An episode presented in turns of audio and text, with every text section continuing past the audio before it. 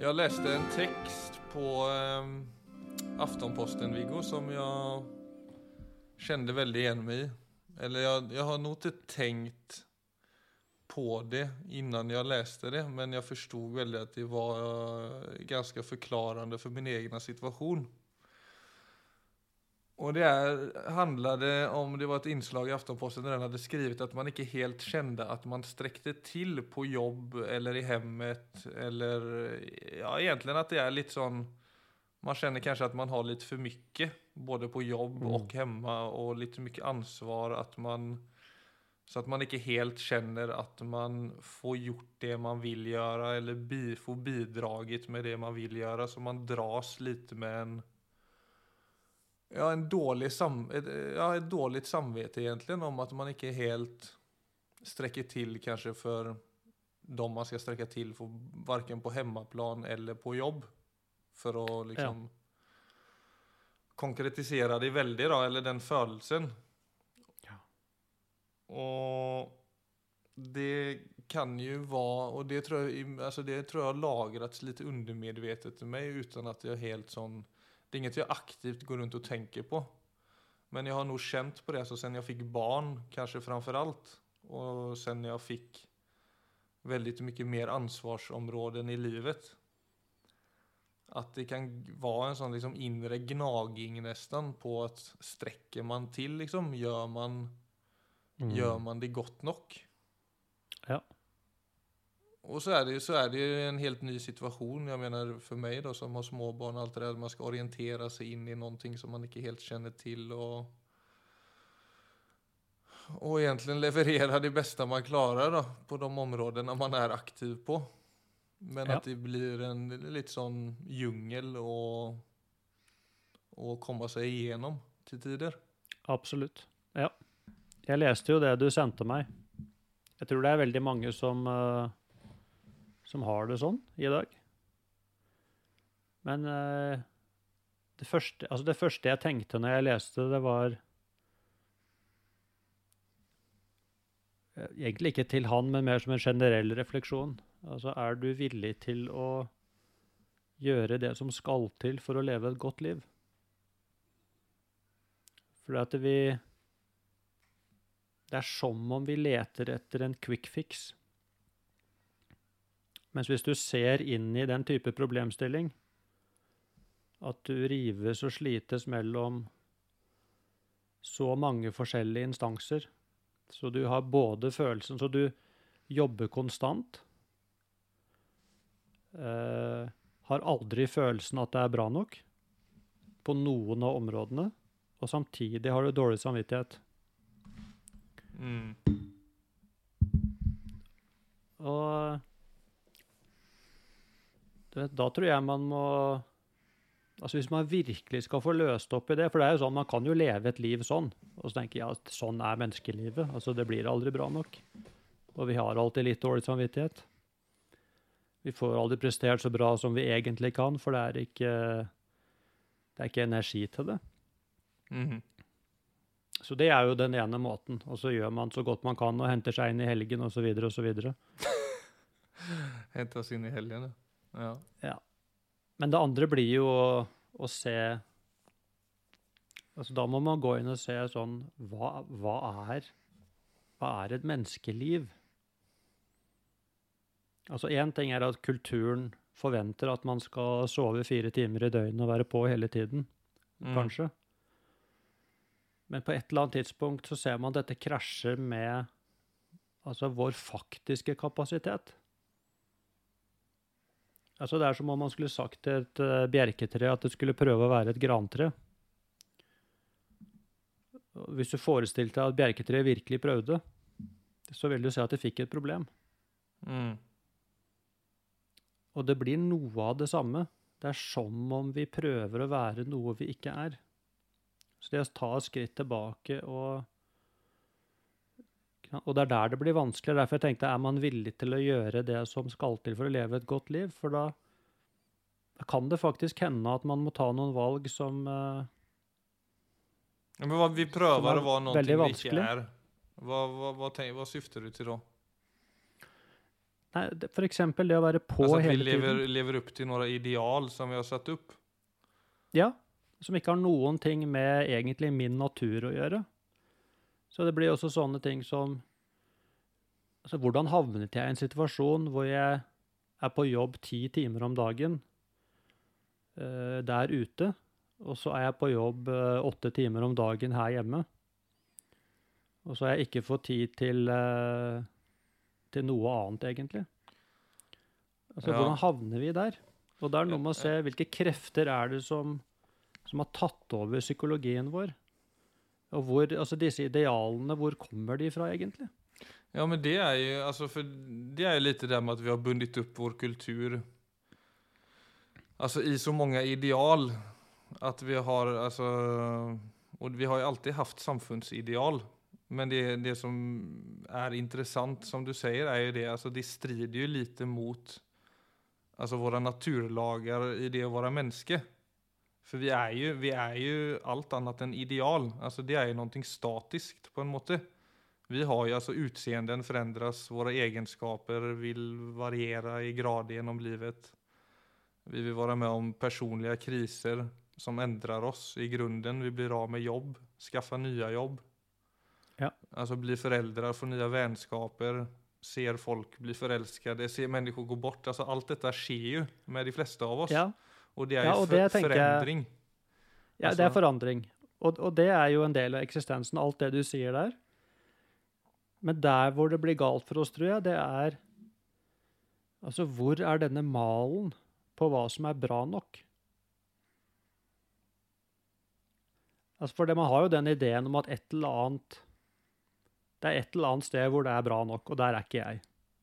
Verken Ja. for meg selv, eller på jobben min, eller for kjæresten min, eller for ungen min, eller for noe som helst. Så jeg er per definisjon ikke bra nok. Og så går jeg hele tiden og prøver å strekke meg etter den magiske grensen. Men hvor er egentlig den? Og er den egentlig der ute i det hele tatt? Det tror jeg ville vært en veldig nyttig refleksjon i dette. Å se at det er, altså det er to ting du ikke kan få fra noen andre. Det er selvverdi og selvaksept. Mm. Så du kan forestille deg hvis man Jeg har den samme jobben, jeg har det samme ekteskapet, jeg har de samme ungene. Men det vanvittige presset på at det egentlig har med prestasjon å gjøre i det hele tatt. Bare forestill deg et øyeblikk at det var borte. Du gikk på jobb, og du gjør jobben din. Og det er per definisjon bra nok. Bare forestill at du føler det sånn. Det er ingenting som gnager at det skulle vært noe mer. Altså, du er ektemann, og selvfølgelig fordi du har så mye å gjøre, så er du en så bra ektemann som du kan være i den rådende situasjonen. Så det er ingen tanker om at du skulle vært bedre på det området. Men kan kan det, det som med en tomhet nesten? Altså, med tanke på at man har bygget opp det. Alltså jag tror ju så som idag så tror jag det aldrig har varit en större press. Och så många boxar man ska ticka av för att man ska vara en spännande och interessant intressant person. Och som du säger, Men- hvis men man hadde hade vent kuttat det vid roten. Ja, vent litt, dette er interessant. Så du tenker hvis det var per definisjon bra nok, så ville det blitt en tomhet? Ja, altså for, for det moderne mennesket som har på en måte blivit inngjuten i dette systemet. Så liksom den, Ja. den første reaksjonen hadde vært vakuum. Ja, fantastisk. Det er veldig interessant. Så det, og, og hvis det Og det betyr jo da at man egentlig er blitt avhengig av å hele tiden strekke seg etter noe nytt. Ja, som skal bekrefte liksom ens framgang, Antingen som menneske Ja. eller ja. Ja, og som egentlig, hvis du ser litt dypere, så ser du at fremgangen bekrefter at jeg ikke er bra nok. Så det at jeg Mm. hele tiden trenger fremgang, det bunner jo i at jeg per definisjon ikke er bra nok. Så det er et interessant avhengighetsforhold. Mens det jeg, altså det jeg faktisk snakker om, eh, det er jo altså det å være bra nok. Faktisk er en fylde. Det er det, det er det motsatte av en tomhet. Det er en fylde. Jeg fyller meg selv med det faktum at jeg er, og det er fullt. Ja, og det er jo abstrakt for mange. Ja, Det men det er egentlig buddhist. helt Det er buddhist. Buddhistsnakk. Nei, nei, nei. Vent litt nå. Du skjønner, på en, ja, det blir abstrakt. Hvis du går opp i hodet, så blir det abstrakt. Men hvis du ser på barna dine eh, Så er de fyllde. Ja, ikke sant? I hvert fall, jeg vet ikke om de har nå begynt å relatere seg liksom til Jo da. Jo da. Men du vil aldri tenke på at eh, de har jo ingen begreper. I hvert fall fram til de er fire år gamle, cirka. Om at det er mulig å ikke være bra nok. Og, derfor, og det ser du i dem. altså Det er bare en, det er et overskudd til livet som, som bare er der. Så du vet, Og de har jo ikke lest buddhistisk filosofi. De er faktisk sånn fra naturens side. Det er jo, altså, ja, ja, det er helt riktig. Det er veldig, altså, det er morsomt at vi kom inn på det her med bra nok. For jeg gjorde en intervju eh, forrige uke, eller jeg ble intervjuet og så Etterpå når jeg liksom satt i bakrummet så satt jeg og tenkte liksom Alltså ju, det var så jeg reflekterte over etterpå. Altså, det er fyra, det er fire ord som dyker opp i mitt sinn nu. Og det er fyra ord som jeg tenkte kan uttrykkes på 6000 språk og uendelig mange tapninger. Men enda så vil det alltid koka ned til de fyra orden. Og det er den var jeg bra nok'? Mm. Og det merker jeg liksom den osäkerheten när man gjør ting da. Som kommer i så mange formuleringer og så mange tapninger og verden over i alle språk. Så blir det på en måte slutsa, eller hva skal man si? det mynner alltid ut i de fire orden føler jeg. Mm. At er, Ja. altså, er man bra nog? Det er et ganske giftig spørsmål. Ja, för motsatsen till det är nu snakker du om fyllde, men liksom det jeg tenkte var jo, er jo flyt som på en måte er det samme at man har allierat med seg selv på en måte. Vilket betyder att jag i då den intervjun upplevde att det var givende å være der og kände på naturligt engagemang og naturligt deltagande og det som er å være i kontakt med det man gör istället for å ha den där kritiska blicken eller kritiska stäm- stämma som hela tiden cellrefererar om man får det till eller gör det bra.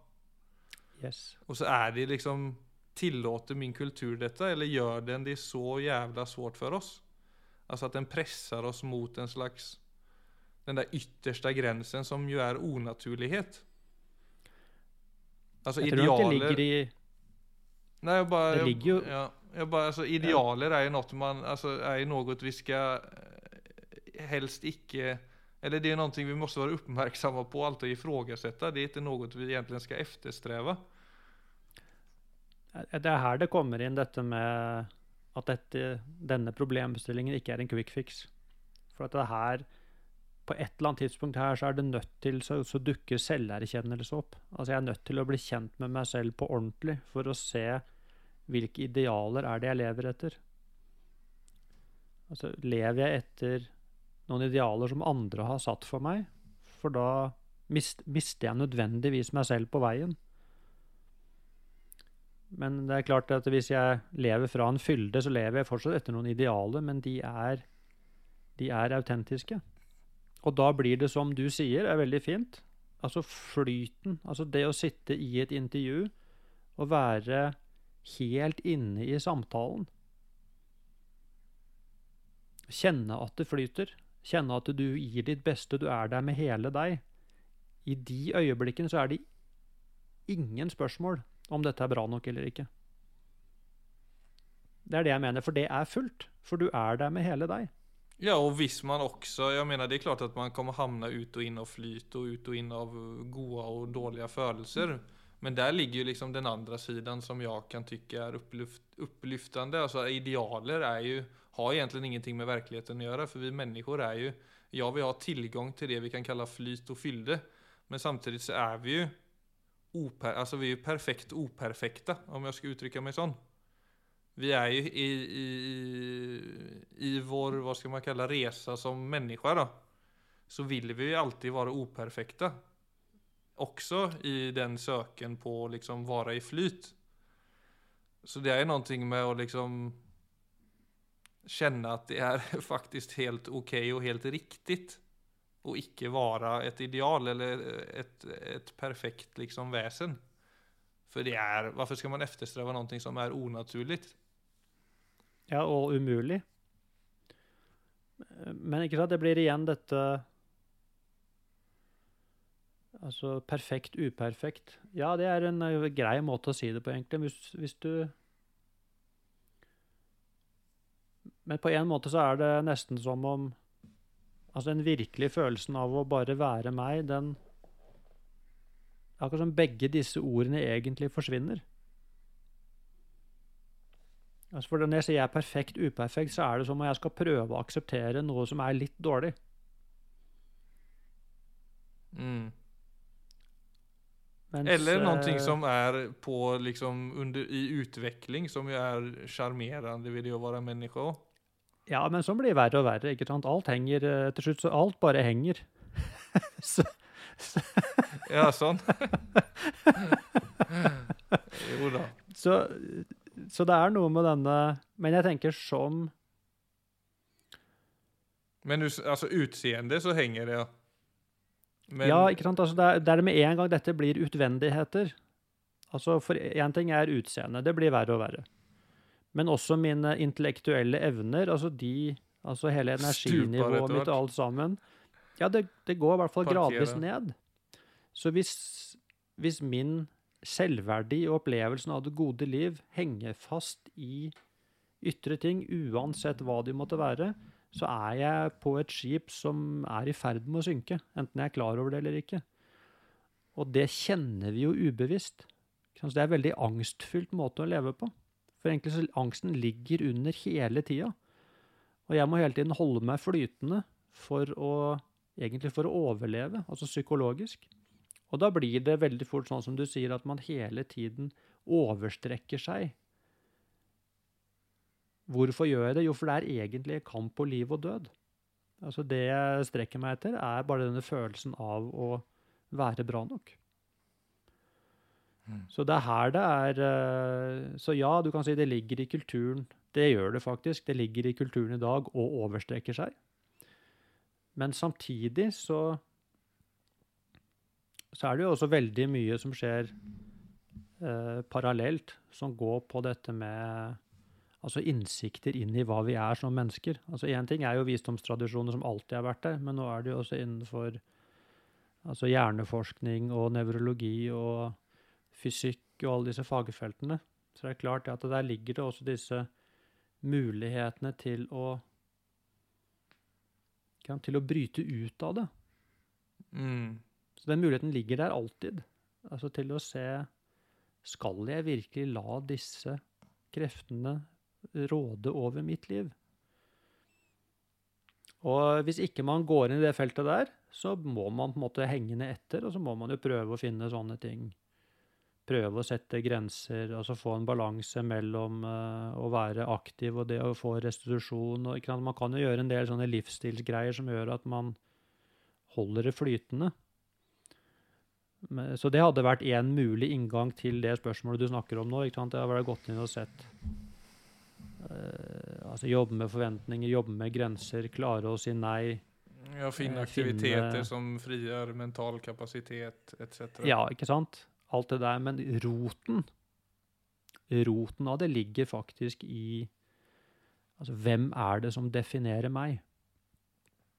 Og jeg tror de fleste, hvis du undersøker det, så vil du se at det er ytre omstendigheter. Og da har jeg i utgangspunktet mistet råderetten over livet mitt. Mm. Da vil det alltid være ytre krefter som egentlig avgjør valget mitt. Og det er jævlig ubehagelig å se på. Det er derfor vi ikke gjør det. Men gevinsten er også potensielt veldig stor.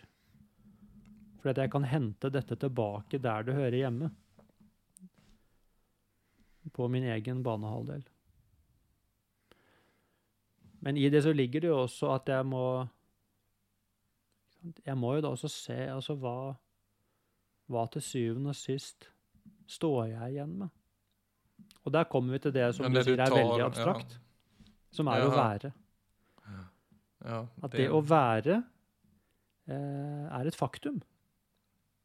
Og i det å være så ligger det en fylde, og i det å være så er jeg så er jeg faktisk eh, full.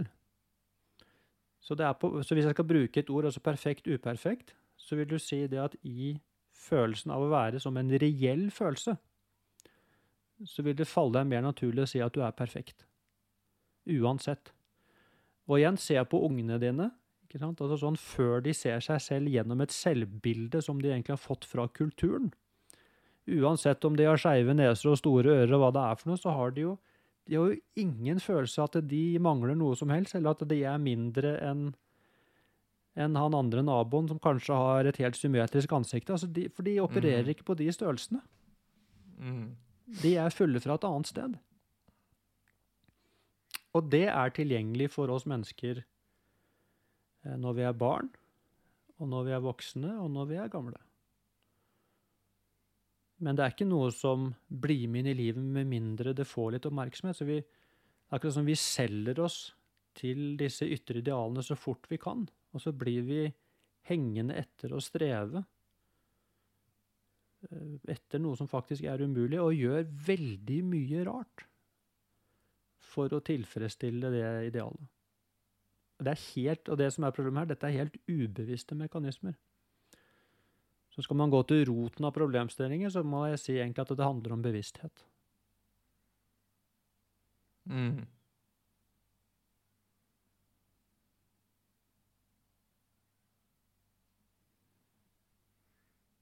Ja, jag tycker vi ska fortsätta snacka om bevissthet. Ja, Men eh, för, alltså många kan ju säkert säga att det är med barn att det också är ett ov, alltså ovetande. absolutt. Men det er jeg helt enig i. Och, Det er, derfor de kan, det er derfor de kan miste det. Men allikevel kan du se Altså, det er et faktum at de bare er fulle, for de lever bare fra eh, sin egen væren. Men det er ubevisst, det er jeg enig i. Så med en gang de blir sånn fire-fem år gamle og begynner å egentlig altså bli dannet, som det heter, så begynner de plutselig å oppdage seg selv som et objekt. Og da begynner sammenligningen. At med en gang jeg bare ikke er lenger, plutselig oppdager jeg det at jeg er en gutt. Gutter skal være sterke. De skal være hva som enn er idealet. Og så ser jeg andre som er bedre enn meg på det. Da er det gjort. Mm. Da kommer plutselig følelsen 'jeg er ikke bra nok'. Hvordan får jeg bukt med det? Jo, jeg må begynne å streve. Og så må jeg begynne da å nedvurdere de andre, for det er veldig truende for meg. Og så må jeg finne hva jeg er bra i, og så må jeg begynne å streve etter det, for at der får jeg oppmerksomhet. Og så slutter jeg helt å lytte etter sånne ting som hva er det jeg egentlig liker, f.eks. Mm.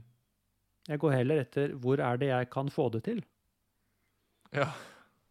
Og plutselig Og der får jeg jo også applaus og sånne ting, så det føles jo godt. Men et eller annet sted på veien så sniker tomheten seg inn.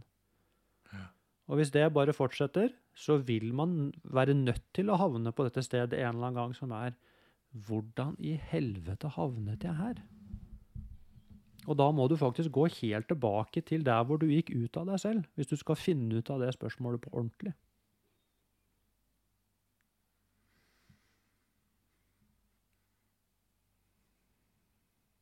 Det var som en god venn av meg. Altså det er en fantastisk historie. Altså han, eh, han gikk på jobb en dag.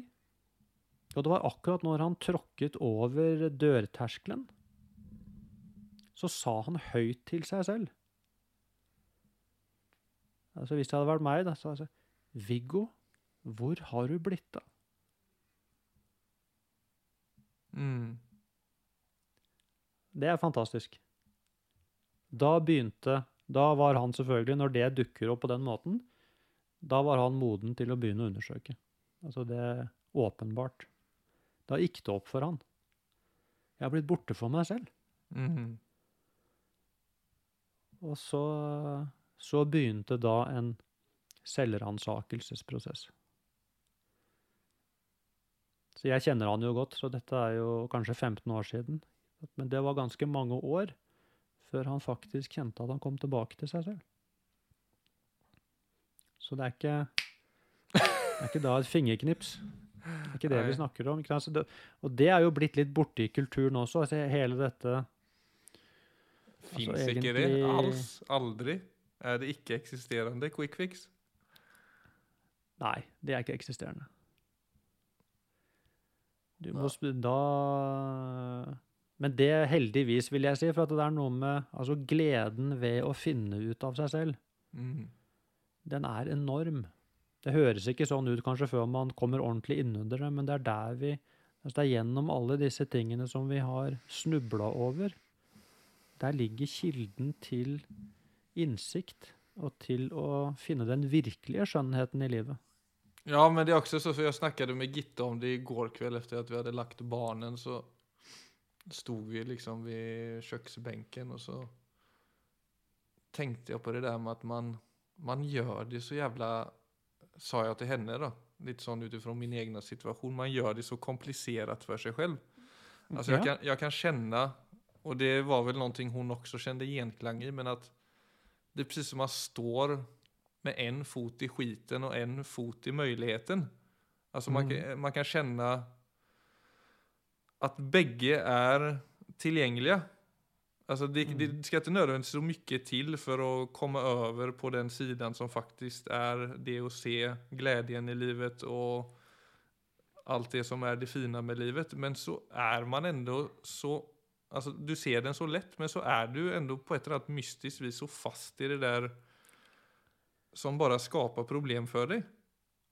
Yes. Och da, då kan jeg være enig med dig. Alltså det, det å flytte over, det kan du på en måte si er et quick fix. Altså det kan være et øyeblikk, det kan være en erkjennelse.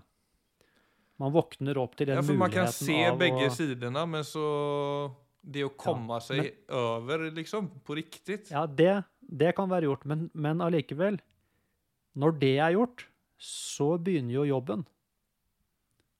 For da begynner jobben med å rydde opp i alle tendensene som prøver å trekke meg ut derfra. Og det er noe som tar tid. Mm. Men, men igjen Ja, for de så, drar en, det er det, som, det er det som er frustrationen i det hele. For du våkner neste Ja. morgon og så dras du inn i de mønstrene. yes. Obevisst. Men og til og med det. trivialiteter. Som man liksom, helt klart. Det er visse alvorlige vissa så klart, problem såklart som vi mennesker har. Men altså, trivialiteter er nesten det verste i det anseendet. At, at man Ja. på et eller annet vis tillater seg selv att dras ned av dem når man faktisk besitter litt mer reelle verdier som har kvalitet.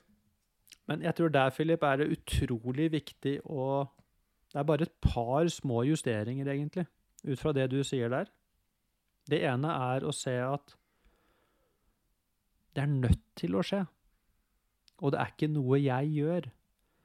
Så det, jeg trenger ikke straffe meg selv eller dømme meg selv for det. Det er nødt til å skje. For det er utrolig sterke, ubevisste prosesser som bare De bare aktiveres sånn så kommer alle disse andre impulsene og tendensene inn på, på den indre scenen. Men hvis ikke du gjør det til et problem, men bare anerkjenner at sånn er den menneskelige eksistensen Men siden du nå har oppdaget dette andre, så kan du bruke det til å rydde opp i alle disse tendensene og trivialitetene som begynner å trekke. Og det er en stor glede. Så hvis vi slutter å kjempe imot at mønsteret vårt dukker opp igjen og igjen og igjen og igjen, selv om jeg egentlig har forstått det, men heller bretter opp ermene og sier dette er jo en stor glede å rydde opp i, for det er gjennom det at jeg blir kjent med meg selv og livet, Mm. så tror jeg det er en mye sunnere innstilling til det. Mm. forstår, vi kan forstå en ting med hodet, men det er egentlig bare 30% av jobben. Så skal det ryddes. Da skal den forståelsen egentlig rydde hele huset. Alle rommene skal ryddes med den forståelsen. Og det er selvfølgelig ikke en quick fix. Men det kan være et ganske interessant liv. Mm.